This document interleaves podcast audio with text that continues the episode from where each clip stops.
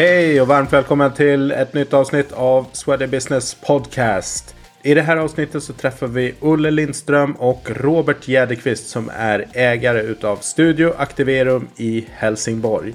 Studio Activerum är en fullserviceanläggning i toppklass. Eh, företaget omsätter över 20 miljoner kronor och är riktigt vassa på det här med gruppträning. Så jag tänkte vi tar oss ner till Sundets Pärla och kollar med Robert och Olle hur de tänker och jobbar. I slutet av avsnittet så har vi ett nytt avsnitt utav Gymskolan med Kraftmark. Den här gången träffar vi Pelle Sundström som eh, pratar kring det här med rekrytering av instruktörer och tränare och hur man kan tänka och göra för att lyckas på den fronten. Så att eh, efter avslutningsmusiken lyssna kvar på Gymskolan angående rekrytering. Då kör vi!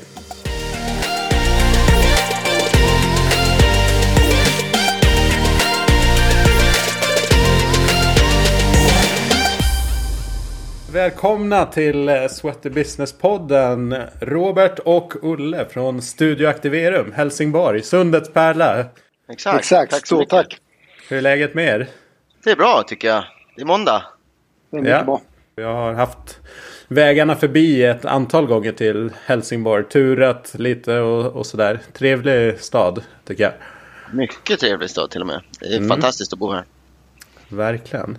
Jag har bjudit in er för att ni gör ett jäkligt bra jobb. Det är många som har pratat och tipsat om er som poddgäster. Och när jag brukar fråga på Instagram eh, tips på poddgäster och sådär så brukar det ofta cirkulera kring att folk vill höra mer om andra entreprenörer i branschen. Så kanske inte de liksom stora kedjorna utan man vill höra mer ja, men enskilda klubbar eller kan, några som äger kanske ett par eh, klubbar. Så att i lite mindre skala jämfört med, med kedjorna. Så att eh, jag antar att det är många lyssnare där ute som kanske kan känna igen sig lite mer i den typen av eh, verksamhet. Mm. Mm. Um, härligt. Vi börjar med lite uppvärmning då. Uh, ert bästa köp. Och här får ni ju svara var och en för sig. Ja, men jag kan väl svara först. Jag, jag har ju bakgrund som naprapat och jag, jag, skulle säga att den första kliniken jag köpte in mig i eh, tillsammans med min dåvarande eh, kompanjon, det måste vara mitt bästa köp. Den, eh, den företagsresan som jag startade då, 2008, den har utvecklats väl, tycker jag. Mm. Och jag svarar lite enklare, min telefon.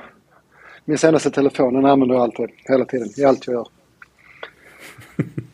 yes, ja, härligt. Eh, om ni skulle få obegränsat med pengar till ett enda projekt eller ändamål, vad skulle ni göra då? Börja med Robert. Ja, men jag, jag brinner för att för rörelse generellt sett, det tycker jag är, är superviktigt och jag skulle vilja få fler barn och unga i rörelse. De som inte kanske hittar eh, till fotbollsföreningen eller gymnastikföreningen eller sådär. Och ofta tycker jag att det, det, är svårt att få finansiering till de här typerna av projekt. Så skulle man få, få obegränsat med pengar så skulle den delen vara löst och då är det bara att se till att eh, skapa de här förutsättningarna på, på bästa möjliga vis. Där man kanske inte behöver vara med och tävla och vinna och sådär utan röra sig för att alla ska må bra. Mm. Samarbete med en skola och så kanske. Det hade väl varit något att bita i tänker jag. Verkligen, superbra. Jag hade nog eh, gått in i något fotbollslag. Eh, lokalt eh, division 1, division 2-lag och gett dem alla förutsättningar för att eh, klättra i systemet. Byggt ett gym, byggt arena och så hade vi tagit oss till Allsvenskan och så hade vi blivit eh, Sveriges bästa lag. Det hade vi faktiskt behövt. Det hade varit, bra fotbollslag. Ja, precis. Det hade varit en fräck. Det hade varit fräckt att kunna vara sån klubbägare ja, det... och bara ta sig eh, och bli bäst i Sverige. Liksom. Om man har obegränsat med förutsättningar. Just det. Ja, nej, det är väl en dröm för fotbollsintresserade. Exakt. Jag själv eh, kollar och tar del mycket av fotboll och så där har väl tänkt tanken. Men jag tänker varför inte köpa liksom storklubben i, i stan? Eller är de för etablerade? Nej, man tar laget till sitt hjärta som eh, någonstans division 1, division 2 och så gör man dem till, eh, till det bästa istället. Det hade varit fräckt. Absolut. Eh, en app som ni använder mycket? Eh, jag kan väl börja Messenger använder jag ju konstant. Och eh, Exor Live i jobbet. Gör mycket program. Skickar till kunder genom, genom mm. den. Just Så det, och eftersom två- Olle svarar Messenger så, så tvingar han ju mig att använda Messenger hela tiden. Mig, eh, I tid och otid. Så vi använder Messenger mycket. Väldigt eh, frekvent. Men jag ska också säga BankID använder jag hela tiden. Ja. Ja, den smyger ju sig in överallt nu. Utan den hade det blivit eh, problem ganska så snabbt. sen är ju, eh, ska jag bara ge ett svar, men Snap är ju, Snapchat är väldigt roligt också faktiskt. Med kompisar. Det måste jag säga. Ehm, det här behöver träningsbranschen tänka om kring. Vad tänker ni där? Ja, men generellt sett, det vi är inne mycket på nu det är ju prissättning. Och det, det pratas ju om det hela tiden. Eh, senast det här debattinlägget om eh, Sats i Norge. Eller även i Sverige där man tycker att, att eh, de har en för låg snittintäkt per medlem. Och det tycker vi är intressant när branschledaren får lite kritik sådär för att ta för dåligt betalt för sin tjänst. Och Det upplever vi själva att vi också gör. Vi är för dåliga på att ta betalt för, för vår tjänst även om vi är eh, eh, lite dyrare på orten så att säga. Men det tror jag framförallt prissättning. Men även kanske paketering, hur man tar betalt. Det klassiska 12 månaders abonnemanget kanske Eh, kan ersättas av något annat smartare framöver, vem vet? Ja, jag ska bara säga till lyssnarna då, om man inte har läst den här debattartikeln så ligger den på sajten sweaterbusiness.se så är det bara att söka upp eh, eh, ja, debattartikel om sats och prissättning i Norge då. Då är det en, en aktör lokalt i Bergen eh, kritiserar sats och det är väl intressant liksom så här. Har marknadsledaren nu Sats position i Norge på ett annat sätt för att de, där är de verkligen marknadsdominant. I Sverige så är det ju kan man kanske klumpa ihop alla stora kedjorna har tillsammans samma liksom, avtryck på marknaden och där är egentligen frågeställningen i den eh, debattartikeln liksom, att har man som marknadsledare ansvar för den totala prisbilden liksom, så att ja, det finns många det, aspekter på det. det är intressant, helt klart. Och vi måste ju kunna stå upp för våra produkter och tjänster och ta betalt för dem. Det är ju superviktigt. Yes, nej men det är en evig fråga och eh, såklart aktualiserat nu med liksom inflation som skjuter iväg så det borde ju vara naturligt liksom att priserna följer med. Jag såg nu var det lite fastighetsbolag, Fabege tror jag läste artikeln med deras vd. Liksom att ja, men från årsskiftet är det 11% högre hyror rakt av liksom, för att takta med inflationen. Eh, där är det liksom ingen snack. Nej, så är det.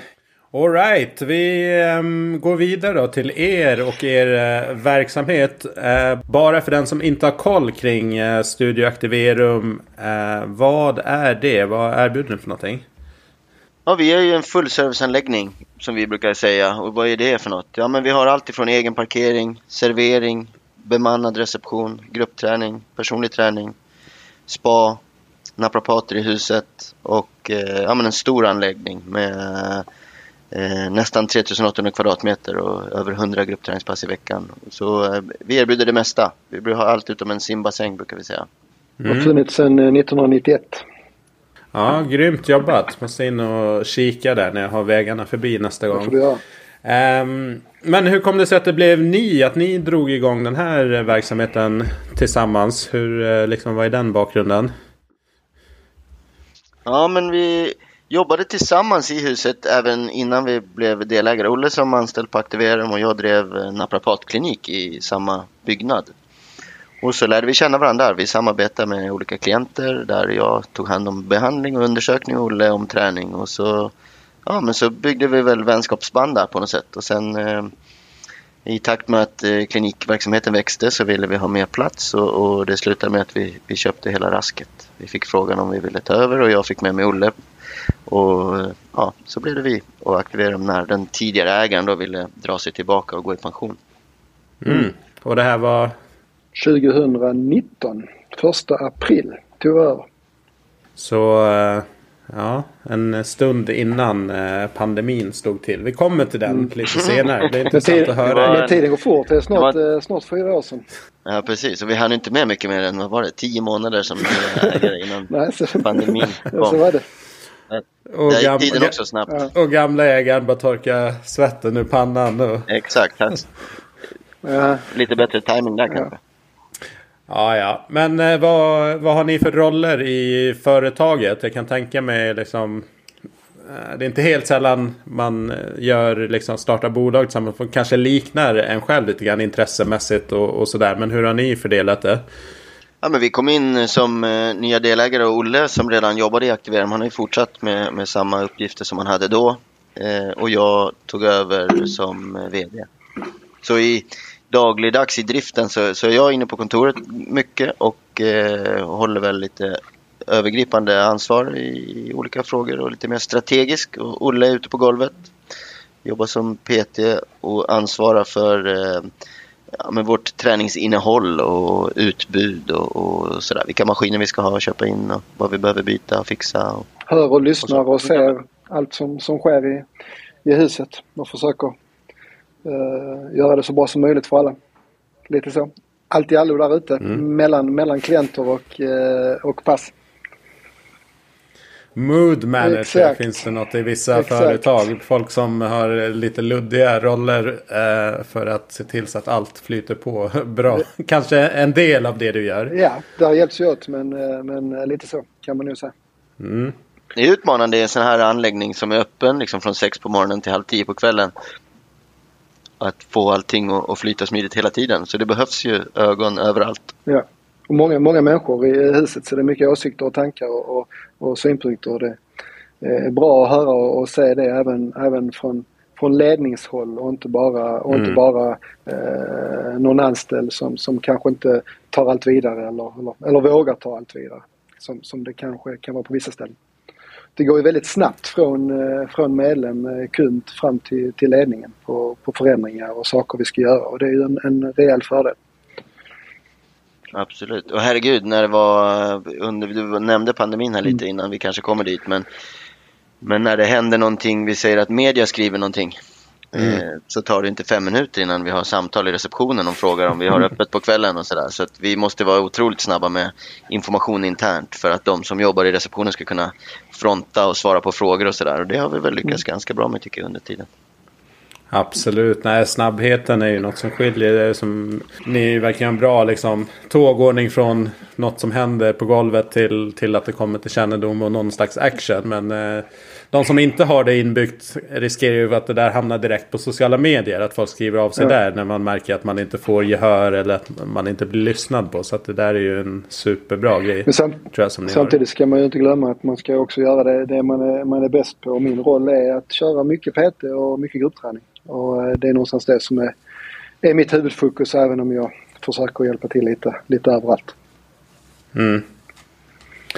Um, ni har ju ett liksom ett fullservice eh, koncept och kanske lite där med, därtill. En, en plusmeny skulle jag nästan säga. Det surras ju liksom så här. Ja, kommer man kunna köra sådana här fullserviceanläggningar? Behöver man nischa sig? Och sådär. Vad tänker, eh, vad tänker ni framåt? Ja, men vi tror det finns en stor plats för, för oss på marknaden framöver. Jag tror att framförallt våra kunder i alla fall, de vill ha möjligheten att kunna välja. Dels eh, välja och vraka bland olika typer av gruppträning och även kunna ha möjlighet att träna i gymmet. Och jag tror att butikskoncepten som finns, de är väl kanske lämpade lite bättre för storstäder där, eh, där man lite mer kan jobba med pick and choose varianten sådär. Men jag tror att vi på en sån här mellanstor ort har en, eh, en väldigt stark position på grund av det totala utbudet. Mm. Och sen, var ju, sen tror jag att det, det svänger lite också. För 7-8 år sedan så var det mycket butik, butik att det, att det var på, på, på frammarsch. Och, och, och, nu ser man ju också på, på, eh, på, på lite nya gym som, som öppnar och lite så som vi tänker också. Vi kan ju ha butikstuket hos oss eh, ändå. Mm. Att man kan ta en sal som blir en, en uh, butikssal. Uh, så att vi kan uh, få den biten också. Så jag tror det svänger lite att folk också vill ha, vill ha lite mer service och lite mer uh, att välja på. Det kommer nog gå lite mm. fram och tillbaka tror jag. Det tror jag också. Att bygga koncept inne mm, i, i anläggningen. Tror jag. Det, det, har vi pratat mycket om och det håller vi, håller vi på nu faktiskt. Mm. Att renovera mm. lite grann. Så för att skapa förutsättningar för det. Så det är spännande.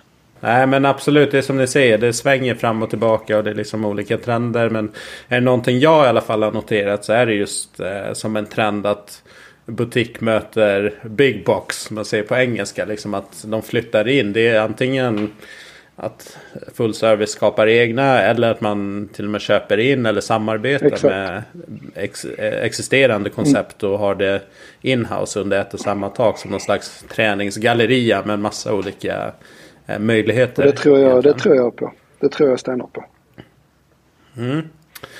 Yes, alright. Och eh, målgrupp eh, och sådär. Jag antar med ert utbud så är det svårt att säga liksom någon specifik tydlig målgrupp som ni riktar er till. Eller hur tänker ni? Ja, men vi, har, vi tror, vi vet att vår eh, snittmedlem är 44 år och vi har något fler kvinnor än män. Så vi, vi tror väl att vi har en något högre medelålder än vad kanske eh, Citygymmen och sådär har. Ja. Och våra medlemmar är också kvalitetskrävande. De gillar eh, när det är kvalitet och engagemang och det är det som liksom vi försöker leverera hela tiden. Så jag tror att vår kund är väl också en sån som, som liksom ställer lite krav och förväntar sig också service och så, vilket är kul att leverera. Och service är ju olika mm. utifrån vem som, vem som eh, besöker en. Men de, de är också, många av eh, våra, eller alla skulle jag säga, vill ju ha mycket av den personliga servicen också fortfarande. Att det ska vara någon i receptionen som säger hej och hej då och uppskattar det. Och att man blir omhändertagen på ett, eh, på ett annat sätt kanske än i, en, i ett butik eller, eller obemannad, obemannat ställe. Mm. Det, det hör man ofta.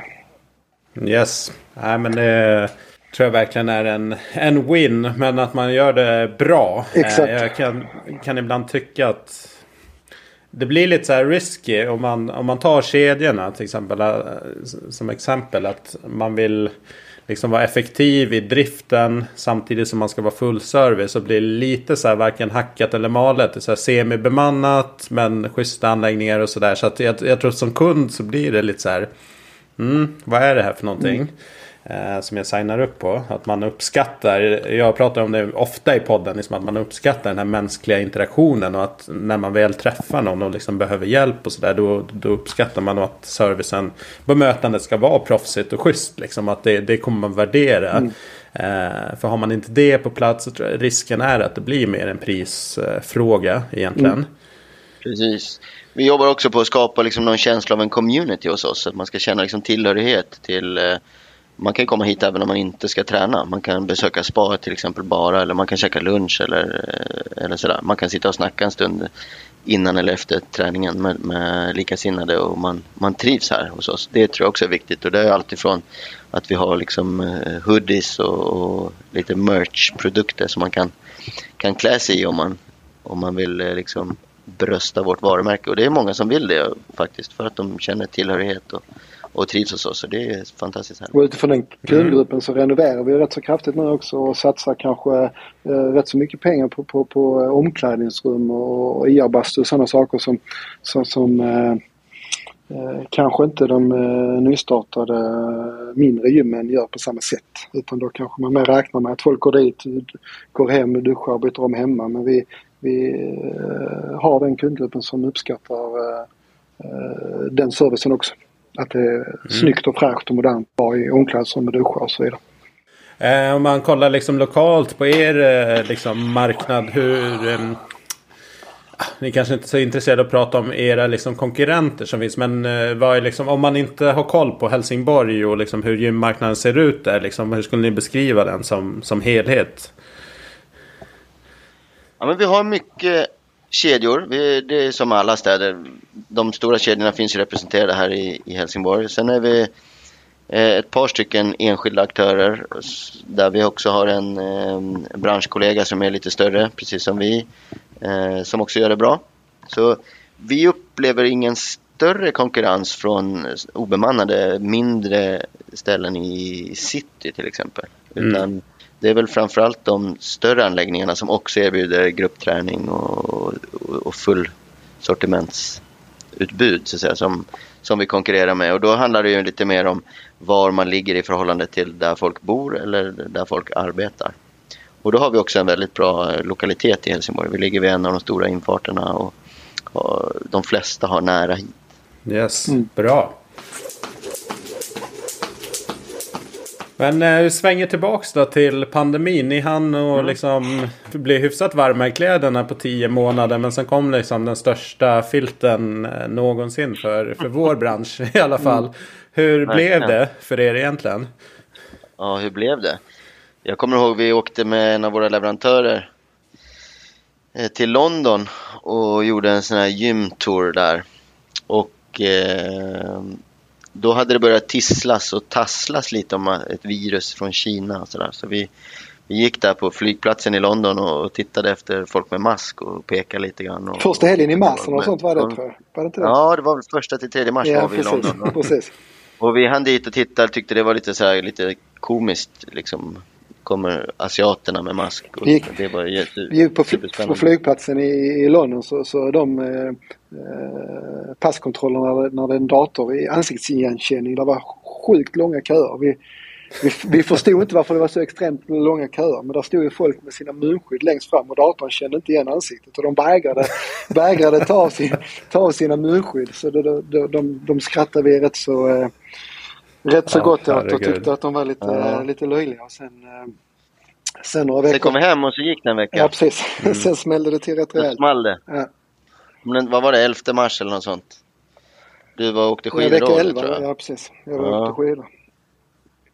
Då small det till ordentligt och då blev det ju stabsläge kan man säga. Och då, det, så här i, i, eh, i backspegeln så kan man väl säga att vi gjorde väldigt mycket bra där eh, snabbt. Vi, hade, vi har en väldigt tät, tight kontakt i, i ledningen där eh, Olle och jag tillsammans med Sara som är platsansvarig och personalansvarig, vi, vi eh, har en väldigt tät kontakt på Messenger till exempel.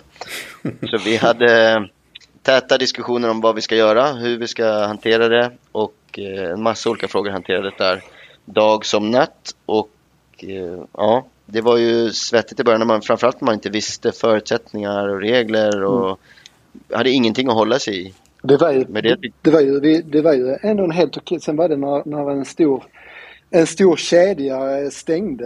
Eh, Då fick vi också eh, smällen för då blev det en reaktion. Boom! De stänger och så, så blev det, blev det eh, stort. Även för oss såklart. Ja, det vi gjorde då, vi satt och värderade en massa eh, fakta. Vad vet vi? Mm. Ja, men vi vet hur det ser ut idag. Och de besluten vi fattar idag, de kan vi inte ändra förrän eh, marknaden, eller vad säger man, inte marknaden, utan omgivningen, faktorerna kring oss ser annorlunda ut. Och om vi fattar ett beslut idag och sen vill vi ändra det om två veckor, då måste ju parametrarna ha förändrats. Och kommer det förändras, det vet vi inte. Därför kunde inte vi, vi kunde inte ta beslut om att stänga och vi kunde inte ta beslut om en massa olika saker. Men då var det förvånande när, när kanske en av de stora aktörerna Sats då, som eh, stängde igen helt enkelt. Det var eh, ett märkligt beslut tycker jag. Ja, och det med motiveringen också att de tog ansvar. Så att då blev det också lite så här, ja, ta Ja, det var alla svårt att förstå in. att man Exakt, kunde exakt. öppna efter två veckor igen. Det var över då. Det var över då. Ja. Då, ja, nej, det blev mär- väldigt märkligt det där. Men eh, ja. Full förståelse Det- såklart för, ja, för det svåra vet- beslut i det här läget. och det var vet ju de ingen som visste någonting. Ja, exakt. Så ja, All right, men eh, summa summarum liksom pandemiperioden. Hur eh, liksom blev det ett stort tapp för er eller klarade ni er hyfsat igenom allting totalt sett? vi ska nog eh, säga att vi klarade oss rätt så bra faktiskt. Vi tappade såklart medlemmar. Eh, vi valde att inte frysa medlemskap utan man fick säga upp det om man i så fall ville det med motiveringen att då kom, om man vill komma tillbaka, vilket man ju hoppas, så får man ju nya priser och behåller inte sitt gamla och sådär. Så att det var väldigt många av våra kunder som snarare visade stor lojalitet och sa du får absolut inte frysa mitt kort. Jag vill verkligen fortsätta betala. Jag vill komma tillbaka till er när jag är eh, när vi är redo igen och, och sådär. Så att det ser man ju, det arbetet vi har gjort på kundservice och byggt då den här eh, medlemskänslan Mm. hos oss har ju verkligen betalat sig under pandemin där, där vi fick eh, bevis på lojaliteten hos våra kunder, vilket var helt fantastiskt. Vi blev översköljda med kärlek egentligen mestadels. Det var klart en del frågor också men, men överlag bara klapp och hejarop. Jag, jag inbillar mig att vi har, hade en rejäl eh, fördel där också i och med att vi är lokala i, i stan. Folk vet vem vi är. Vi har funnits i, i 30 år. Många har varit medlemmar här eh, 15-20 år och har en, en, en personlig eh, connection till oss. Och de, eh, även om inte de var här på, på en, två, tre månader så vill de ändå eh, betala för att eh, det skulle finnas kvar efter pandemin. Mm. Så den, där är ju en, där är en superfördel att, att vara lokal, vara igenkänd och folk vet vem vi är. Och att man gillar oss helt enkelt. Ja, nej, men det är väldigt sådana där prövande tider som, som det där. Att då visar det sig liksom vad man har byggt upp för relation till sina kunder. Och jag, min upplevelse när jag pratat med olika aktörer är just att de som är väldigt personliga och liksom har en tät, äh, täta band till medlemmarna. De klarade sig bättre. Medan de som är lite mer äh, avstånd till det kanske högre personalomsättning. Liksom mer eh, ja, stordrift på det sättet. Att de, de tappade ju mer eh, medlemmar än vad, vad de här mindre i jämförelse då, även inte små. Eh, men ändå. Så... Sen gjorde vi, gjorde vi mycket. Vi flyttade ju de gruppträningspassen som var, var absolut mest populära flyttade vi till de, de största eh, salarna så att vi kunde ha mer folk. Så, satt in väldigt mycket extra pass så att folk skulle kunna träna ändå nu som, som alla andra gjorde. Men så gjorde vi en, en fräck sak som eh, nog inte så många andra gjorde på det sättet. Det var att vi eh, hyrde ut eh, cyklar och levererade dem hem till eh, mm. medlemmar och tog eh, eh, bra betalt för det också. Och det var väldigt många som eh, ville hyra cyklar. Och där har ju Robban bättre koll på hur många mm. vi hyrde ut. Jag tror vi... Ja men det var helt otroligt. Vi la något ja. Instagram-inlägg och sa vill du, om du nu inte kan gå på spinning hos oss, du kan hyra en cykel. Vi har, vi har 60 cyklar i mm. våra spinningsalar. Eh, och eh, vi kunde bara använda 20. Så vi hade 40 stycken att hyra ut och vi hyrde ut eh, ja, 35 tror jag nästan. Wow. När, man, när man summerar det här efter så har vi, hyrde vi ut över 600 veckor totalt. eh, med spinningcyklar och vi tog 185 spänn inklusive moms för, för en vecka. Och det blev såklart ett eh, välkommet tillskott under den här pandemin. Det var, det var mm. väl ett succédrag får vi säga. Att, det blev ju riktigt det. bra. Blev det. Mm, en sån lite rolig grej i efterhand. Ja, men det var ju kul. Och ingenting är ju som det alltid har varit eh, någonsin. Utan allting kan ju alltid förändras och, och göras på nya sätt. Och det var väl en sån grej man verkligen fick tänka lite nya banor. Vilket är mm. kul också delvis. Så vi har lärt oss otroligt mycket av den här pandemin. Vi byggde också ett trädäck faktiskt. I, utomhus. Eh, mm. Ja, utomhus trädäck och och rigg utomhus och satsade mer och köpte sådana uh, silent uh, disco hörlurar så vi kunde köra pass utomhus med musik och annat. Så, så uh, flytta ut all träning. Och jag har någon film från, från, från, uh, från jag tror det var 2021 i december. Det snöar och, och som nu 7-8 minusgrader och vi står en 25 stycken där ute och, och tränar. Det, var, det är rätt, rätt fräckt i efterhand hur, hur folk anpassar sig. Det är häftigt. Mm. Ja, utomhusdelen eh, fortsatt liksom starkt eh, efter pandemin också. Eller kanske inte på samma sätt, nej. men nej. Nej, nej, vi, eh, nej. nej. Vi har inte eh, varit så bra på uteträning förr. Vi var det väldigt bra under pandemin, men, men eh, nu efter så är alla in igen. Mm. Även, även eh, seniorerna vill vara inomhus. Ja, det är intressant det där. Många så trender som kom under bara så bara, men nu är uteträningen här för att stanna. Vilket den är och det har alltid funnits Såklart. uteträning. Eh, men också digitalt och sådär. Men hur snabbt folk faktiskt återvänder till sina mm. gamla vanor. Mm. Men om ni, har ni någon så här, om ni får ta med er någon lärdom, någon eller några grejer som ni tar med er in i framtiden från pandemin som ni tänker att ah, men det, här, det här kommer vi ha med oss om någonting liknande händer igen. Har ni någon sån grej? Ja, men det är väl att ingenting är omöjligt och måste, ingenting måste vara som det alltid har varit. Utan man kan alltid göra saker på ett nytt sätt och få det att fungera. Yes. Bra. Och lite lugn och ro. Lugn och fin. Och så ser vi, eh, ger vi det lite tid. Ger det någon dag så ser vi var, var vi landar liksom. Mm. Man behöver inte uh, stressa, stressa fram allting. Man ska vara ty tydlig och snabb i, i kommunikation men, men beslut och så får växa fram lite. När man, man ser var, var, var det landar någonstans. Liksom. Tydlighet är ju viktigt. Det märkte vi också de gångerna vi, vi verkligen var tydliga med information kring hur vi ställer oss till olika typer av eh, restriktioner och annat. Och det gjorde vi också eh, bra. Mm. Mm. Härligt. Ni, ni omsätter ju över 20 miljoner som enskild anläggning. God lönsamhet. Um, vad är framgångsnycklarna? Det är många som kämpar där ute. Ofta så här inte några jättehöga marginaler. Definitivt inte i sådana här tider. Vad tänker ni? Nej men vi eh, tror ju att det har att göra med eh, den service vi har på anläggningen. Folk trivs hos oss och eh, det, det, är klart att folk drar folk. Så är det ju alltid. Och jag tror att det vi är bra på, kundservice, kundbemötande, trivsel. Det ger liksom god lojalitet och kunder stannar hos oss länge. Har man väl blivit medlem så stannar man kvar. Och det är väl det som, som gör det tycker jag. Sen eh, kan man alltid fila på lönsamheten och våra målsättningar är att, att förbättra det ytterligare. Både att kunna öka omsättningen och eh, förbättra lönsamheten lite grann. Även om vi är ganska nöjda. Men det kan bli eh, ännu lite bättre. Absolut. Mm.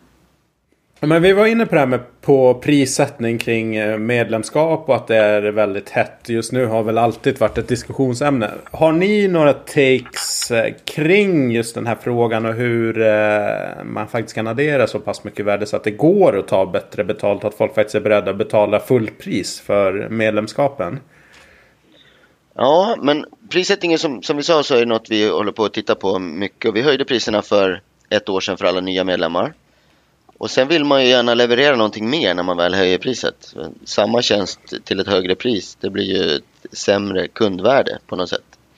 Och nu så gör vi faktiskt en omfattande renovering. Vi bygger två nya salar i huset. Vi flyttar runt lite och frigör yta som gör träningsupplevelsen ännu bättre förhoppningsvis. Och sen renoverar vi också omklädningsrummen som eh, väl hade några år för mycket på, på nacken och kan, kan bli betydligt eh, fräschare. Så det kommer bli jättefint. Och där är både ny, nytt kakel och klinker i duschar, lite ny bastu, nya golv under tak och, och, och såna saker. Så det kommer bli kanonfint. Och då tror vi att i och med att vi lyfter anläggningen så kan vi också ta lite mer betalt för de som är befintliga medlemmar. Vilket då ska göra oss ännu starkare, lönsammare framåt. Vilket ska göra att vi kan då ta ännu större steg mot framtiden och leverera en ännu bättre tjänst. Vilket kommer att då generera förhoppningsvis ännu mer lönsamhet och då är den spiralen igång. Så det är väl så vi, vi tänker. Mm. Um, ja hur jobbar ni med kommunikation kring det? Jag kan uppleva ibland att vi eh, inte så här superbra på att kommunicera. Nu har jag inte koll på alla liksom interna kanaler ut mot medlemmar eftersom jag inte är medlem överallt. Men just man kanske vet om att det är ett större projekt och så ser man kanske i sociala medieflödet att det ligger en eller två inlägg precis i början av ett projekt och sen är det liksom ingen mer kommunikation kring det och man ändå liksom lägger ner en massa pengar och tid i att göra det och liksom att man inte kommunicerar det liksom nya värdet som man har adderat. Och precis som du säger att man då också kan, kan motivera och inte bara säga att ah, nu tar vi x kronor mer per månad och så har man liksom ingen, inget att backa upp det med. Ja, just det. Ja, men vi gjorde en kundundersökning också under våren. Eh, faktiskt, för att ta reda på vad, lite vad våra medlemmar tänker och tycker om oss. Och vi fick eh, fantastisk feedback. Alltså de är ju supernöjda och de allra flesta är fina ambassadörer för oss. Men det de skrev också på förbättringssidan var just eh, att lokalerna behöver ett litet lyft. Och där eh, direkt kan man ju då kommunicera det. Till exempel vi hör er, vi lyssnar, vi tar tag i det direkt. Och eh, såklart även trycka på vad som händer i renoveringen och, och vad det ska bli outcomen av det. Och, och på så sätt få det att eh, hypa lite. Mm. Superbra. Mm, absolut.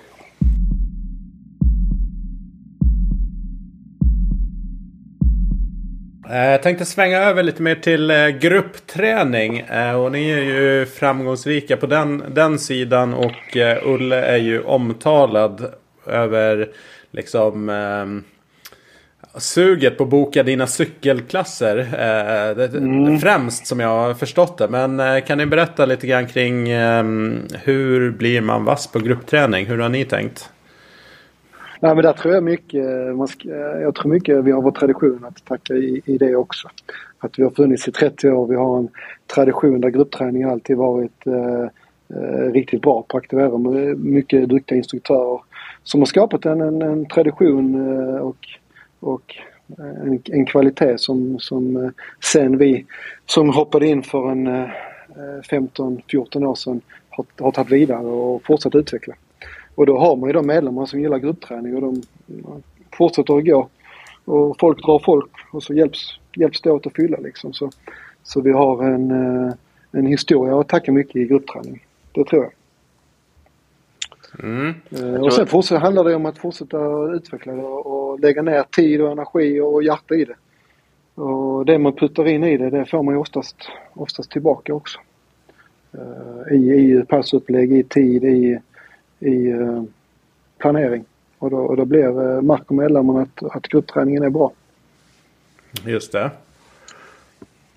Och sen märker vi att uh, våra, våra klasser vi gör själva är väldigt, väldigt populära. Uh, vi har ju också koncept och, och rena alltså bodypump-klasser och så vidare och de är lite, lite trögare men, men våra styrketräningspass vi gör själva, våra spinningklasser vi gör själva och så vidare, de går väldigt bra. Mm. Och även nu efter Eh, pandemin och under pandemin. Intressant take. För att det där hör jag nu mer och mer att många upplever att nej, gruppträningen är inte tillbaks till där den var innan pandemin. Och för många så har det varit kanske den stora kassakon liksom, som har dragit, mm. dragit in. Så att um, ja, intressant att liksom nysta lite mer sen framåt i vad, vad det där tappet på gruppträningssidan um, kan bero på egentligen. Mm. Olle är ju född eh, ödmjuk också. Det hör man när han beskriver Verkligen. Sin, eh, sin framgång här. Han är ju Nej. en eh, han är ju en eh, supertillgång för oss såklart och, och, det skulle han aldrig säga själv. Inte högt i alla fall så andra hörde. Men han är en fantastisk gruppträningsinstruktör och det som gör honom speciell det är att han, han lägger verkligen som han sa hjärta i det han gör. Och vi brukar egentligen säga att det vi kräver av instruktörer, det är engagemang. Är man engagerad, då blir det riktigt bra. Tar man det lite för, för enkelt och inte lägger ner hjärta i det, ja men då, då ser man direkt att klasserna inte går så bra som de, eh, som de kunde gjort. Och mm. eh, vi har fler superbra exempel på engagerade instruktörer, men det är få som kan mäta sig med en slutsåld spinningklass på 60 platser på under 10 sekunder. Det, det är unikt. Och det är väl tur att han är så ödmjuk. ja, kanske. Alright, men imponerande. Men om man kollar så här trendmässigt, är det någon viss typ av gruppträning som, som går starkare nu jämfört med tidigare och något som kanske har klingat av lite grann? Ja, men här har du bättre koll Olle än vad jag har, men jag vill ju säga att spinning är ju väldigt populärt hos oss.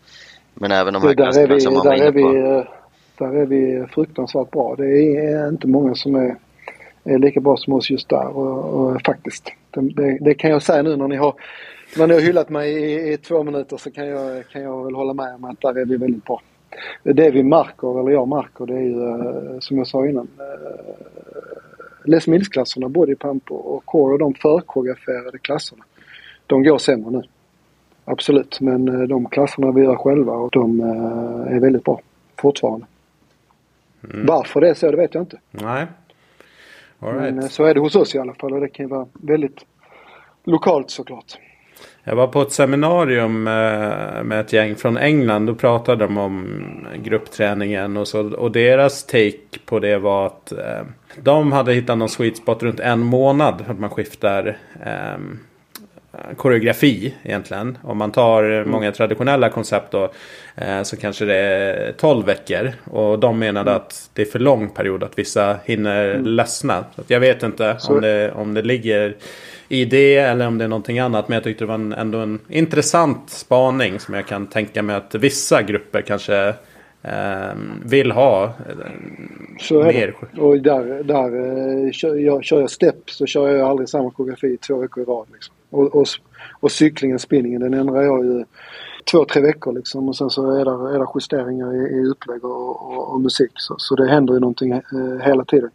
Och då, eh, då får man ju ny, en ny aha-upplevelse eh, ofta. Liksom. Mm. Både, både fysiskt och, och mentalt och det tror jag behövs. Yes. Plus att det är mycket roligare som instruktör. Att, att, att, att uh, göra grejer och leverera nya grejer. Det, det märker man ju själv när man kör förkoreograferat. Uh, den, den tredje, den, de sista två veckorna där på en tremånadersperiod, den, den, uh, då går ju deltagarna ner och man, man själv är, är mer som en robot liksom som går in och bara sär. Mer än, mer än att man kanske drivs av det. Mm. Nej, jag håller med. Jag har i och för sig aldrig hakat på den typen av koncept och tränat på det sättet. Men jag kan själv mm. känna att jag hade inte orkat med samma koreografi i, i en Nej. sån... Så vi, vi ändrar, ändrar all gruppträning eh, som vi gör själva ändrar vi väldigt, väldigt ofta. All, all eh, styrketränings, eh, alla styrketräningspass och crossfit-liknande upplägg och så vidare. Det ändras ju liksom eh, var vecka och varje pass. Det, det, tror jag är en eh, framgång, absolut. Vi har ju också eh, förutsättningar för de anställda som håller i passen att kunna planera sin, sina pass med passplaneringstid som en del av arbetstiden. Jag vet inte riktigt hur andra har det i branschen men det har vi här hos oss i alla fall. Och det är ju då, ges ju möjlighet att kunna jobba med sina pass så att man verkligen kan planera dem ordentligt. Och vi kan ju också förvänta oss att passen ska vara ordentligt förberedda, planerade. Och, och då blir det bra. Mm. Mm. Verkligen. Om man säger, eh, pratade vi gruppträning men allmänt så här, trender, förändringar på marknaden. Är, är det någonting som ni har snappat upp och ser och tänker att okej okay, det här kommer vara någonting framåt? Eller? Ja, det finns ju väldigt mycket olika roliga former och fräcka träningsformer på butiks sidan inte minst. Och där mm. kan man ju, tror jag, våran framtid. Vi håller på att bygga nu som sagt ett, ett nytt funktionellt träningsrum där vi tror att vi ska kunna erbjuda någon fräck träningsupplevelse. Inte kanske så nischat som eh, Barry's eller eh, Orange Theory eller, eller de här ställena. Men, men en egen Aktiverum Take på Butik Fitness där vi bygger en egen eh, lokal för, för det här. Sen får vi se lite hur det går. Vi kan ju bygga nya koncept inhouse såklart. Men eh, ja, vi tror att vi gör något, något, vi plockar liksom russinen ur kakan och gör en egen eh, grej av det här. Mm. Och framförallt ska det kunna gå att göra de här klasserna där vi, där vi själva skapar passen och, och bygger liksom en rolig, effektiv eh, träning. Spännande. Men upplevelsebaserad, upplevelsebaserad träning överlag eh, vill ju folk ha. Sen, sen om upplevelsen är en, en, ett svart rum med, discolampor eller det är eh, fräck musik och bra coaching. Det, det, det får ju känslan någonstans eh, ge. Det kan bli upplevelse både där mm. Ja men det blir spännande att följa er. Jag är nog helt, helt med på era spaningar här också. När i tiden tror ni att det här sen kommer lanseras? Så man kan följa upp det. Våran renovering? Yes. Ja, det är ju... Inget Nej, okay. eh, Det är min största huvudvärk just för tillfället. Vi har, eh, ja men lyfter man på, på en sten så, så hittar man ofta någonting där under. Så att eh, lite så funkar det här hos oss också. Vi har hittat lite, lite spännande grejer och fått eh, ta tag och, och åtgärda lite saker i byggnaden. Så att det har dragit ut lite på tiden. Men nu gör vi det ordentligt och eh, förhoppningsvis ska vi vara helt färdiga någon gång i april. Mm. Det är väl omklädningsrummen eh, framförallt som spökar lite. Men eh, det blir ja, det blir så snyggt så man blir tårögd nästan. Härligt, låter som att jag får komma ner, ner, till invigningen. Ja, absolut, av absolut, det. absolut. Helsingborg i april, det blir bra. Absolut. Mm. Um, vad ser ni då på kort sikt, liksom branschen som helhet? De största utmaningarna som ligger uh, kortsiktigt, säg närmsta året, två åren kanske? Ja, men det är att ta plats på, på marknaden. Det finns ju många olika sätt att, att träna kroppen på. Uh, nu har ju paddelboomen avtagit lite. Det är ganska tydligt på konkursutförsäljningarna i alla fall. Verkligen. Eh, och tittar man på springa i skogen och, och, och sådär så är det fortfarande starkt. Med, med loppen är på väg tillbaka nu med Göteborgsvarvet och Stockholm Marathon och alla lokala millopp och så här. Så det är en konkurrent också såklart. Det, det kommer ju aldrig vara enklare att träna än att ta på sig löparskorna och gå ut och, och springa lite. Men det kanske inte är så spännande alltid som det är att träna på, eh, på en anläggning där man har ja, men trivsel och andra att träna tillsammans med och, och, man kan välja och vraka och det är alltid solsken inomhus så att säga.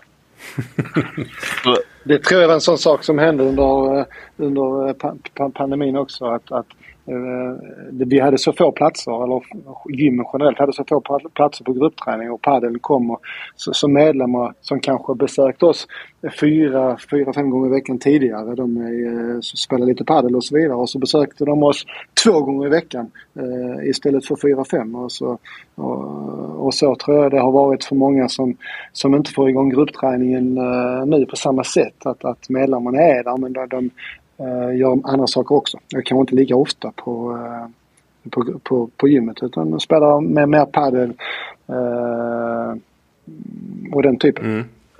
Om man, ska, om man ska gissa lite. För så, det märker jag på några av mina, mina PT-klienter i alla fall. Att de gör mer saker men de är fortfarande medlemmar. Yes. Jag tror att vi kommer att se en blandning av aktiviteter även framåt såklart. Men eh, jag tror att branschen som helhet ska väl se till att göra det man gör bra, riktigt bra och ännu bättre. Det tror jag. Och så ta mm. betalt för det också. Mm. mm. Det, det, är väl eh, superviktigt. Mm. Vi, kan, vi kan inte hålla på. Jag, tycker, jag gillar speciellt det här, nu återgår jag till den här debattartikeln som det var någon i Norge som skrev i Bergen där som du refererade till tidigare. Så jag tänker att vi kan inte alltid hålla på och träna gratis fram till jul och gratis fram till påsk och gratis hela sommaren och, och sådär. Det, det, är liksom, träningen är ju effektiv och bra 12 månader om året och då måste man ju kunna ta betalt för 12 månader om året. Det är någonstans en take tycker jag. Och sen får man försöka hitta andra kampanjmöjligheter. Det finns ju såklart sätt att locka folk till anläggningarna. Men man måste kunna locka dem med något mer än bara gratis fram till jul. Ja, nej verkligen. Det är, det är faktiskt trist när man ser den kommunikationen repeteras om och om och om igen. Så tänker jag precis som du säger att finns det ingenting annat som man kan eh, locka med. Men jag såg en, eh, en bekant till mig. Han svarade i en Twitter-tråd. För det var någon tjej som skrev att hon eh, ja, ensamstående med en litet barn, ett eller två år. Ja, när jag kommer hem från jobbet så är jag helt slut. Jag hinner inte träna på jobbtid. Hur ska jag få tid till gymmet? Eh, och vad, finns, vad har ni för tips? Och då skrev han att äh, men gym är ändå för dyrt. Kör YouTube framför tvn. Liksom. Så tänkte, jag, min instinkt var så här, gym är inte för dyrt. Tänkte skriva till honom. Bara, vad menar du för någonting? Men, men ändå så här, det är intressant att man uppfattar det som, som, eh, som dyrt. Men man kan eh, ja, dra en paddeltid ett par gånger i veckan och komma upp i samma mm. summa fast på en vecka. Just det. Mm. Jag kan inte tänka mig något tråkigare heller än att träna i vardagsrummet framför datorn. Alltså. Jag, jag skulle... Nej, det är inget nej. för mig i alla fall. Jag kan förstå att det, det är smidigt och tillgängligt men det verkar ju inte så spännande. Eh, egentligen. Jag har försökt lite men... Men det tycker ju inte, det tycker inte generella eh, personer heller. För alla de apparna som bara blomstrar under pandemin de, de har ju tappat rejält nu efteråt också. Så. Uh, en mix är nog bra. Det är klart man kan träna själv men, men mix, jag tror att anläggningen med hög trivsel och stort utbud den, den kommer ju att fylla sin funktion nu framöver, absolut. Ja, den är ju nummer ett tror jag för de flesta fortfarande. För min egen del så är det så här i nödfall så kör jag hemma liksom om eh, vabbande ja. eller någonting sånt där. Men jag håller med. Det, är liksom inte, det blir inte samma träningsfokus heller. Man är hemma och sådär. Nej, Exakt, men om jag återgår till den här kampanjidén. Det, det finns ju såklart kampanjer hos oss också. Vi har också eh, en del sådana kampanjer där man får någon månad på köpet eller man kan ge någon månad till en vän och sådana saker som tyvärr då kanske fungerar ganska bra. Det drar en del folk men eh, här vill vi väl uppmana branschen också till att ja, men, eh, kontakta oss gärna om ni har några idéer så kan vi bolla för att vi måste kunna komma på något bättre. så är det. Ja, lite i den här eh, mm. artikeln, debatten var ju liksom att ja, men det har hänt i andra branscher att företag har kampanjat bort sig själv. Eh, och som påverkar. Och det här var ju mer inom sportkläder då som motsvarande Stadium och liknande mm. i, i, Norge. Att eh, de har fortfarande utmaningar med att ta fullpris och den aktören som höll mest på med rabatter den försvann ju helt från marknaden. Alright, ja, men vi får väl se. Spännande eh, insikter och eh, intressant att kolla lite grann med er vad som händer. Eh, jag är inte förvånad att det går bra för er. Det låter när, när jag pratar med er att ni har koll och när man hör med andra som är impade av, av det ni gör. Så jag hoppas att det här avsnittet kan inspirera andra och ge en boost i vardagen också. Kolla nu, där är 60, 60 stycken bokade ikväll på cyklingen och där är 15, 15 mm. reserver. 17 och 35. Så där är bra, där är bra tryck. Det ska ni veta alla, alla i Sverige som, som krigar med cykling. Det går. Ja, verkligen. Alright, jag kommer länka in till er hemsida och sociala mediekanaler i eh, avsnittsbeskrivningen. Eh, om ni vill gå in där och kika och eh, ja, hör av er till Robert och Olle ifall ni vill ta en kaffe eller någonting. Och Verkligen, ni är välkomna. att höra av er såklart. Så kommer det ett reportage från invigningen av eh, Butikstudion sen till våren. I promise. Ja, du kommer hit då Brian? Jag kommer, absolut. Bra. Alright, eh, sista frågan egentligen. Vilken låt ska vi avsluta avsnittet med? Här är det enda vi har snackat ihop oss kring innan och vi har bollat några låtar och ser så här, vad ska vi göra för avtryck här. Men vi kom fram till att eh, vi vill ändå ha lite ös. Så att eh, Kickstart My Heart med Mötley Crüe vill vi ha. Ah, härligt, good old rock. Yeah. Det, Robban ville ha När vi två blir en av Gyllene Tider, men vi fick... Ja, vi fick, eh, vi fick eh, kompromissa lite. Råkigt. Yes, jag fattar. Hörni, stort tack för att ni tog er tid. Tack så mycket Brian, kul. Tack själv.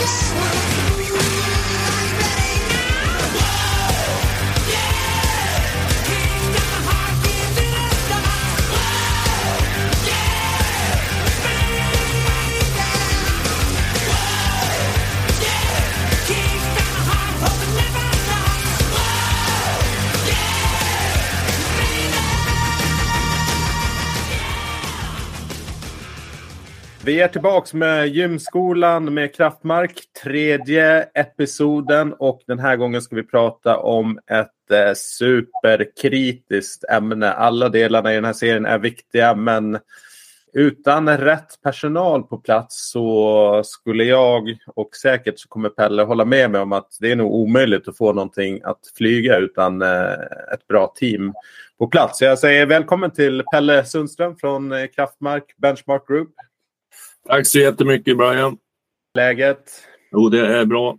Det är full fart alla håll. Yes, som vanligt. Eh, jo, men vi har ju den här serien för att ja, men det inspirera, utbilda marknaden. Det kanske finns, eh, eller det finns garanterat eh, befintliga gymägare som ser över sin verksamhet och funderar och kanske fastnar i gamla spår, men också potentiella entreprenörer i branschen som jag vet lyssnar på den här podden som går i tankarna kring att någon gång starta, starta sin egna. Så det är ju liksom syftet med hela den här eh, serien. Gymskolan som ni hittar på sweaterbusiness.se. Eh, sök bara gymskolan så kommer alla artiklarna upp. Eh, den här podden kommer också släppas som enskilda poddavsnitt i vårt ordinarie poddflöde så där kan ni fånga upp de, de olika ämnena. Eh, uh, Alright, men om vi inleder liksom rekrytering av personal. Och här är väl kanske mest fokus på instruktörer och tränare, de som, eh, de som ska leda pass på olika sätt. Vad, vad har du för tankar kring det generellt sett? Uh, ja, mycket breda tankar och mycket kan man säga erfarenheter på att man har gjort uh, alla felen kan man väl säga. och anställt hundratals människor. Och eh, ja, jag, jag tror helt enkelt det, det, det handlar ju om att kanske tänka annorlunda, tänka nytt och, och eh, ha en process precis som man har en, en plan för marknadsplan eller när man ska mm, så att säga exakt vad man ska göra i olika marknadsplaner så behöver man ha en plan på rekrytering. Och man märker både till mig själv och, och, tidigare och när man pratar med folk så ja, någon person slutar, ja nu sätter vi igång med rekrytering. Mm. Och då så att säga skickar man ut några annonser eller ja, söker folk och man sätter upp med vilka meriter man ska ha och så vidare. Och då går man oftast bet på dels eh, när man pinpointar det här med meriter och utbildningar och så vidare. Istället för att hela tiden ha en plan och planen måste bygga på att du har inkommande så kallade leads egentligen hela tiden. Så fast man inte har behov kanske just då så handlar det om att hela tiden ha en process igång. Att hitta de här guldkornen och hitta rätt sorts människor. Och, och eh, det måste nog finnas liksom hela tiden en, eh, en ingång för att människor ska på något sätt visa, eller man ska ha kontakt med människor. Eh, mm. Så det blir kanske inte headhunting på så vis men man behöver ha hela tiden ett eh, flöde med folk som man träffar. Jag vet ju många av de här som är väldigt framgångsrika. De sätter ju av några timmar i veckan för att träffa, intervjua, eh, söka upp folk och så vidare. Det är en del i deras eh, så att säga, verksamhet. Att hela tiden ha den eh, planen. Så man, man sätter av helt enkelt timmar varje vecka för att hitta folk och sen kanske inte förrän som ett halvår, ett år man kanske verkligen behöver just den tjänsten. Mm. Den andra stora biten som jag bara ville nämna, det, det är min erfarenhet, det är kulturen. Att man har rätt, alltså jag har sett så många gånger och självklart mina verksamheter, om det är fel kultur, alltså fel sorts människor som är på plats, så har du väldigt svårt att rekrytera eh, rätt sorts människor de, det, det dras inte till så att det handlar om att man måste ha rätt sorts människor där och, och sen också kunna fylla på med rätt sorts människor. Och kultur och, och känsla och för varumärke och, och eh, företaget i sig byggs av människor. Mm, ja men eh, verkligen. Jag, jag håller med om det. Det blir ju som en som en slags klubb. Liksom. Alla vill ju vara del av en, ett sammanhang som är positivt, som känns roligt, utvecklande och sådär. Och nästan så att ja, men, jag har själv varit del av eh, sådana typer av företag där gränserna suddas ut mellan jobb och, och arbete. Nästan så att folk vill hänga på arbetsplatsen och med kollegorna även när man inte är eh, on duty. Ja. så att säga. Ja. Men eh, det är ju ett jäkligt komplext eh, liksom ämne. Vad skulle, om du får plocka ut någon del, några delar ur det här med kultur. Eh, hur fasen bygger man det då och rätt, rätt kultur? Ja, och det, och det är ju väldigt många olika delar men det är självklart väldigt bra eh, ledarskap. Så eh, när, man, när man sitter och gnäller inom apostrof att man inte hittar rätt sorts människor så kanske man också ska gå tillbaka till sig själv och titta på vem är jag som ledare? Vem är jag? Hur, hur, kan, hur leder jag människor? Hur, för det smittar ju av sig till de anställda och i sin tur inte så att säga, andra människor söker så. Men om man har bra ledarskap så kommer folk att söka till sig. Så att jag hör ju väldigt många gånger att det finns inga människor och de är, det är alla möjliga fel så att säga. Ja, men har du ställt dig frågan till dig själv vem, vem du är eller hur, hur du leder och så vidare. Så att det börjar ju där och, och skapa en kultur och sen, sen kommer det liksom, får man rätt sorts människor in från början eller att man har liksom rätt, rätt sorts människor på plats, då blir det enklare att eh, så att säga an, dels använda sig av de anställda som finns på plats att hitta liv. Så ställer man frågan, vem under, om de har haft något jobb tidigare, vem skulle du kunna tänka dig jobba igen med? Då räknar de oftast upp väldigt få personer men oftast eh, några styckna som de känner att ah, men den här är rätt sorts eh, person för det här. Och då får man väldigt, och sen man kan höra av sig till dem eller på något sätt vis få kontakt med dem och så vidare. Eh, så att det, mm. kultur skapas ju så att säga, det, det är ju en process ju. Men det, det handlar om att och liksom, man måste, ett, ledarskap. Det är där det börjar. Ja. Yes. Du, när jag lyssnar på dig och du pratar om eh, att våga tänka nytt, tänka annorlunda. Var, var kan man hitta personal? Vad tycker du är bra ställen att, eh, att söka på? Ja, självklart bland medlemmar och, och, och eh, genom personal. För, för det är ju medlemmarna och personalen som oftast kan verksamheten och vad, vad, vad det står för och vad det är och, och så vidare. Problemet är att liksom ha ingångarna öppna hela tiden att det är som sagt en ständig process att på sin hemsida att man har en rekryteringssida, söka jobbsida där man kan fylla i och, och hela tiden få inkommande ansökningar. Självklart ställa frågan till eh, genom personalen som kanske har kontakt med då vissa medlemmar som man tycker att den, den personligheten passar. Eh, sen, sen, kan man ju självklart jobba med, med, sociala medier och annonser och så vidare.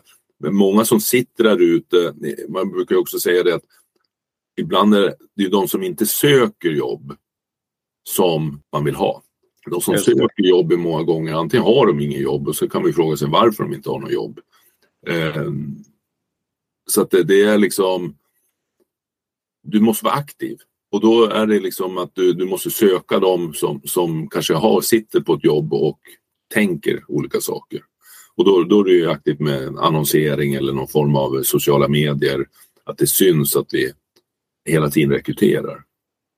Och, och sen ha det som en, en stående punkt bland, bland personalen. Så personalen blir en del av rekryteringen. Mm. Och, och sen söka brett. Alltså jag ser ju många gånger att vi är, är ju ett servicebransch där vi, vi, det är personligheten och, och eh, viljan att kunna hjälpa andra människor och så vidare. Och, och bygger man det bara på så att säga utbildningar och, och så tror jag man inte alltid har hittat rätt. Nej, tycker du att vi har fokat för mycket kanske historiskt på just den delen? Eh, vilka utbildningar man har gått, teknisk liksom, kunskap så här på förhand och eh, kanske förbisett lite mer personligheten? Ja, jag tycker väldigt mycket så. Jag vet ju bara på mitt lilla ställe så, så rekryterar vi personer och, och först och främst. Och sen mm. löser vi utbildningen. Så, sen om det är internt eller eh, ja, olika externa utbildningar som man behöver då. Men sen är utbildningen väldigt, eh, det, det är lite grann, det går tillbaka lite grann kanske till systemet grundskolan, hög, eller, ja, högskola och så vidare. Att man ska liksom ha gått sina... Hela livet är ju en utbildning. Att mm. liksom vara klar man går en skola och sen är man klar. Sen, de flesta människorna går ju aldrig med någon skola eller utbildning, man säger så, resten av sitt liv. Det är ju, mm. Man kan ju lära sig tills man lägger sig i jorden. Och det är ju häftigt också. Alltså har man den inställningen liksom att eh, få de andra personerna också för, förstå den att jag, jag är 55 år, jag tycker jag lärt mig något nytt varje dag. Speciellt mitt stora intresse är ju eh, biomekanik eller fysiologi eller träningslära. Det finns ju hur mycket som helst att lära sig. Så bara för att jag har gått en utbildning för när jag var i början på, jag var runt 20 år. Det är inte nog. Nej. Det är, liksom, det är old fashion. Så att jag tror vi också hamnat i en, liksom, ja, men jag har gått den här utbildningen, sen tio år senare, ja men vad har du, du lärt dig mer under tiden? Jag tror på väldigt mycket korta utbildningar, intensiva utbildningar, eh, men flera utbildningar. Mm. Ja, verkligen. Och eh, uppskattning där kring eh, utbildningens värde kunskapsmässigt så är väl tidigare, eh, innan digitaliseringen tog fart, så var det väl att runt efter fem år så ungefär 50 procent av den kunskapen som du då lärde dig är är old news utan det kommer ny, ny utveckling och så där så att det stödjer ju också verkligen att man behöver konstant. Jag kan bara se inom mitt område som jobbar mycket med media och marknadsföring så där att det är definitivt inga fem år på halveringstiden utan det kan vara Månader. Ett, ett, ja, månader. Det kommer en ny plattform, det kommer en teknisk uppdatering. Tekniken går framåt hela tiden så att eh, det är helt omöjligt att, eh, att luta sig tillbaka på någonting som man gjorde för några år sedan.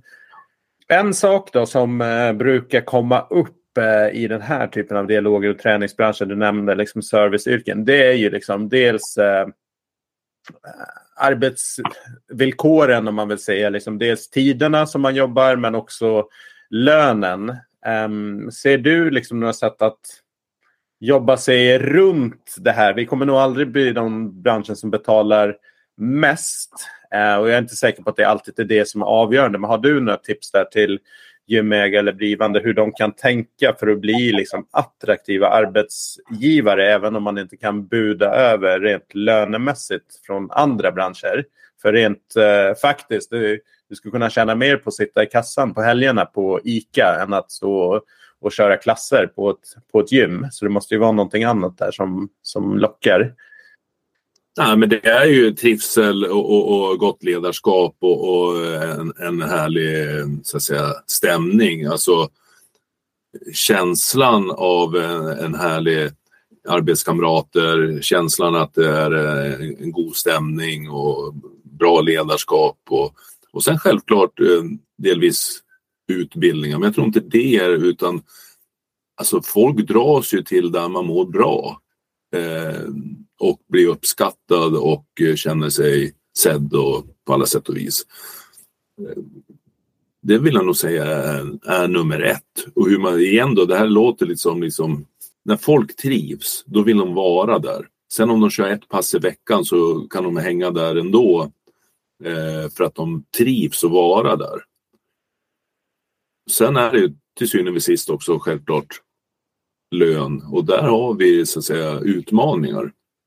Eh, men jag tror väldigt mycket på, beroende på om du kör traditionell typ gruppträning eller typ en PT timme för timme eller om eh, försöka så att säga kunna ha halvtidstjänster, kanske till och med heltidstjänster. Och då, då bygger det på att liksom ha en god verksamhet och, och ha, ha, bara timmar och att eh, känna sig orolig för det och på alla sätt och vis så, så har man svårt att rekrytera de bästa personerna. Mm.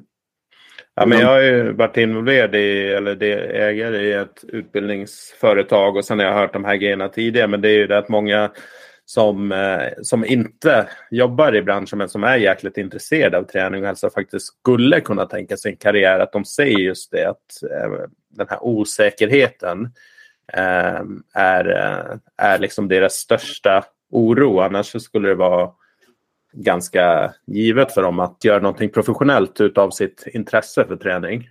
Vi måste våga satsa, men, men då, då är det ju liksom rätt, rätt person drar in sin lön tio gånger. Fel person, ja då är det en kostnad. Så att det handlar ju självklart om att, att hitta rätt person, ha rätt sorts internutbildning, ha rätt sorts ledarskap, eh, så att säga, coacha den personen. För då ger den personen tio gånger pengarna. Då är det inte dyrt. Det är ingen kostnad. Ser jag. Det är en investering eller kan man nästan säga det är en intäkt. Mm. Anställer du rätt person så är det en intäkt, inte en kostnad.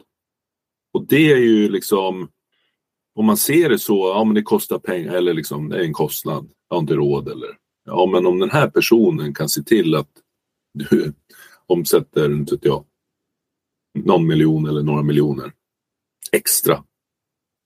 Då är det ju en intäkt ju. Mm. Nej men så kan det verkligen vara. Så här populära gruppträningsinstruktörer som någonstans kan ha ett följe av medlemmar på, ja, men upp till, på större anläggningar. Upp till ett par hundra medlemmar som kommer för den personens eh, mm. klasser. Då. Eh, slå ut de liksom, medlemsintäkterna eh, per år och om den personen skulle försvinna eller byta anläggning då blir det definitivt en kostnad. Ja. Så att det, det skiljer sig. Nu pratar vi mycket så att säga kanske gruppträning eller någon form av instruktörledd eh, ja, gruppträning. Sen, men med det, sen om det är receptionist eller någon annan person i verksamheten så, så är det ändå liksom rätt person där skapar en känsla och, och, får man den här positiva känslan så kommer man lättare kunna rekrytera bra personer ut i, om det är så gymmet eller i gruppträningen. På olika mm. sätt. Ja, men verkligen. Du, um, det känns som att vi har uh, inspirerat lite grann kring det här. Vill man läsa konkreta tips uh, så har Pelle författat sju stycken sådana som finns i en artikel som ligger live på sweaterbusiness.se. Annars så är det bara också att kontakta Pelle och gänget på Kraftmark för vidare diskussioner. Det behöver inte vara igång med ett konkret eh, projekt. Det kan vara smart att träffa dem och eh, bolla upp lite tankar så kanske man redan där får eh, hjälp med vissa saker som eh, många års erfarenhet eh, har byggt upp så att man eh, snabbare kan komma vidare med sin, sin idé och förhoppningsvis sen lansera någonting skarpt. Alright Pelle, då får jag tacka så mycket för de här uh, insikterna och uh, vi kommer ju höra mer av dig i den här gymskolan och uh, säkerligen i den ordinarie Sweaty Business-podden under 2023 också. Kul att prata med dig Brian, så hörs vi. Det gör vi. Tackar.